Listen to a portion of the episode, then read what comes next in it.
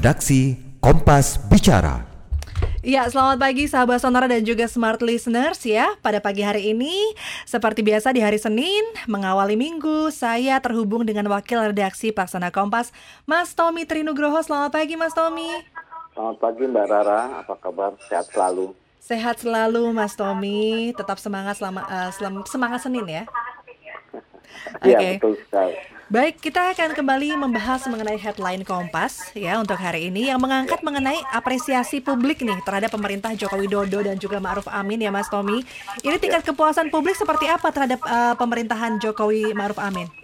Ya, ini merupakan hasil survei Litbang pada bulan April. Ini merupakan rangkaian dari survei persepsi publik mengenai pemerintahan uh, yang sedang berkuasa dan hasilnya adalah pada bulan April terakhir itu menunjukkan kepuasan kepuasan okay. uh, responden cenderung meningkat ya. Bisa hmm. kita lihat pada grafis di halaman satu tersebut bahwa pada bidang politik dan keamanan, jadi ini dibagi dalam empat uh, kategori besar yaitu politik dan keamanan, hmm. penegakan hukum, ekonomi serta kesejahteraan sosial. Semuanya uh, cenderung meningkat untuk bidang polkam misalnya uh, dibandingkan dengan periode sebelumnya yaitu hanya 70,8 lalu sempat turun lagi pada Januari menjadi 67,2 dan terakhir pada April menjadi 77 persen artinya uh, responden cukup puas dengan katakanlah dengan kinerja pemerintah di bidang politik dan keamanan. Mm-hmm. Kemudian di, demikian pula di penegakan hukum meningkat dari 62,5 pada tahun lalu menjadi 63,4 pada Januari, kemudian 65,6 pada April ya. Mm-hmm. Udah demikian juga ekonomi uh, cenderung meningkat uh, yaitu 52,8 pada tahun lalu kemudian 57,9 pada Januari dan hanya turun sedikit ya mungkin tidak terlalu signifikan menjadi 57,8 lalu mhm. kesejahteraan sosial meningkat cukup cukup tajam ya. Uh, sekarang April itu menjadi 71,3 dari sebelumnya 67,2 pada Januari dan 61,6 pada tahun lalu. Uh, ini ini ini kemudian diskusinya kan begini, ini kan pandemi semuanya uh, semuanya katakanlah serba berat ya seperti ekonomi dan sebagainya. Tapi yeah. justru justru ini kecenderungannya meningkat. Kemudian uh, ada ada beberapa analisis bahwa pertama memang dalam pandemi justru orang cenderung semakin percaya pada pemerintah karena satu-satunya pihak yang bisa dipercaya adalah pemerintah. Uh, itu juga terjadi di banyak negara ya. Artinya pemerintah menjadi tumpuan harapan Lalu juga dalam situasi pandemi itu kemudian ada semacam ya sudah uh, dengan dengan kondisi seperti ini apa yang dilakukan pemerintah ini sudah cukup baik. Jadi katakanlah ekspektasi publik cenderung cenderung tidak terlalu tinggi seperti sebelum hmm. pandemi. Itu itu itu mungkin beberapa hal. Kemudian juga uh, dari pantauan kami, kami juga membaginya dari responden itu ada yang simpatisan, bukan simpatisan. Ini ternyata cukup uh, jauh ya bedanya kalau yang simpatisan ini mencapai 84,5 ya mm -hmm. uh, ke, kepuasannya pada April 2021 sedangkan yang bukan simpatisan ini uh, cenderung tetap mulai dari 46,7 persen pada tahun lalu mm -hmm. lalu 44 persen pada Januari dan sekarang juga tetap 44 persen artinya ini juga faktor-faktor apa faktor simpatisan atau tidak atau atau faktor politik ini juga juga berpengaruh terhadap uh, terhadap kepuasan mm -hmm. uh. Iya, seperti kita ketahui memang di masa pandemi ini kepemimpinan Presiden Jokowi jelas ujiannya luar biasa ya. Namun memang perlu di uh, menarik nih ya bahwa ekonomi adalah um, mendapatkan tingkat kepuasan yang paling rendah dibandingkan politik keamanan, penegakan hukum ya. dan juga kesejahteraan sosial.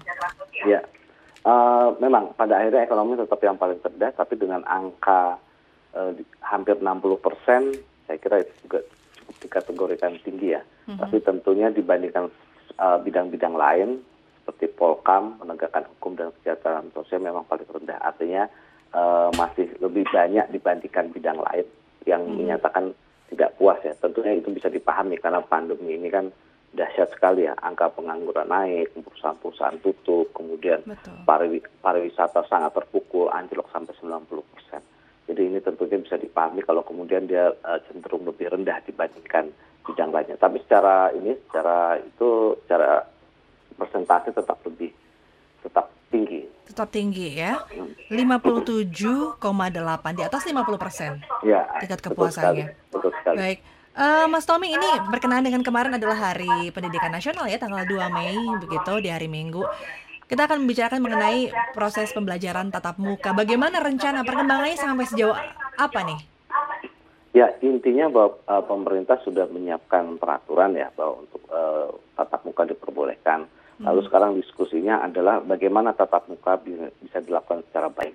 Uh, pertama orang menyerukan bahwa sekolah harus menerapkan protokol kesehatan, kemudian seperti ada pengukuran suhu, kemudian juga ada jaga jarak dan sebagainya.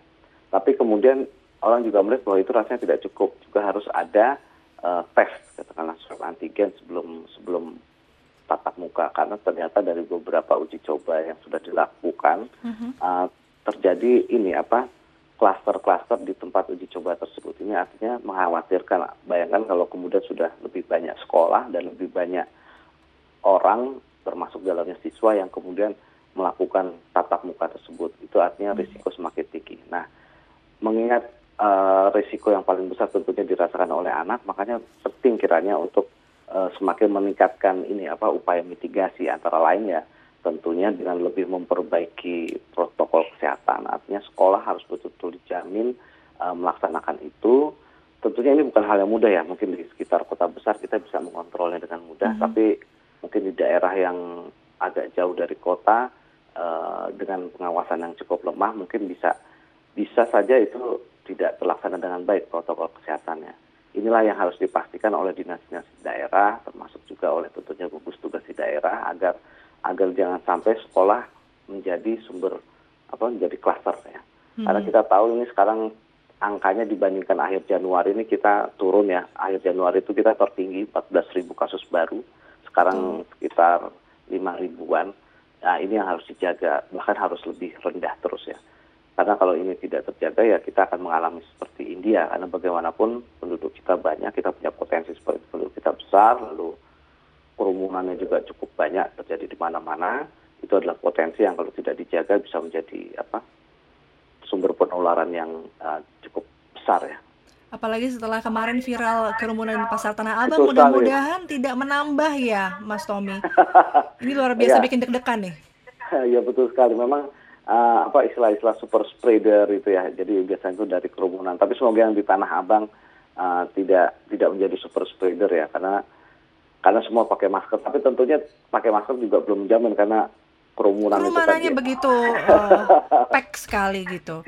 Kembali mengenai tadi masalah pendidikan, Jokowi sudah mengatakan bahwa pembukaan secara terbatas itu penting untuk dilakukan untuk sekolah yeah. begitu ya, karena untuk mengejar ketertinggalan pendidikan yang disebabkan pandemi. Yeah. Sebenarnya mana yang harus diprioritaskan nih, protokolnya ataupun ketertinggalan pendidikannya, Mas Tommy?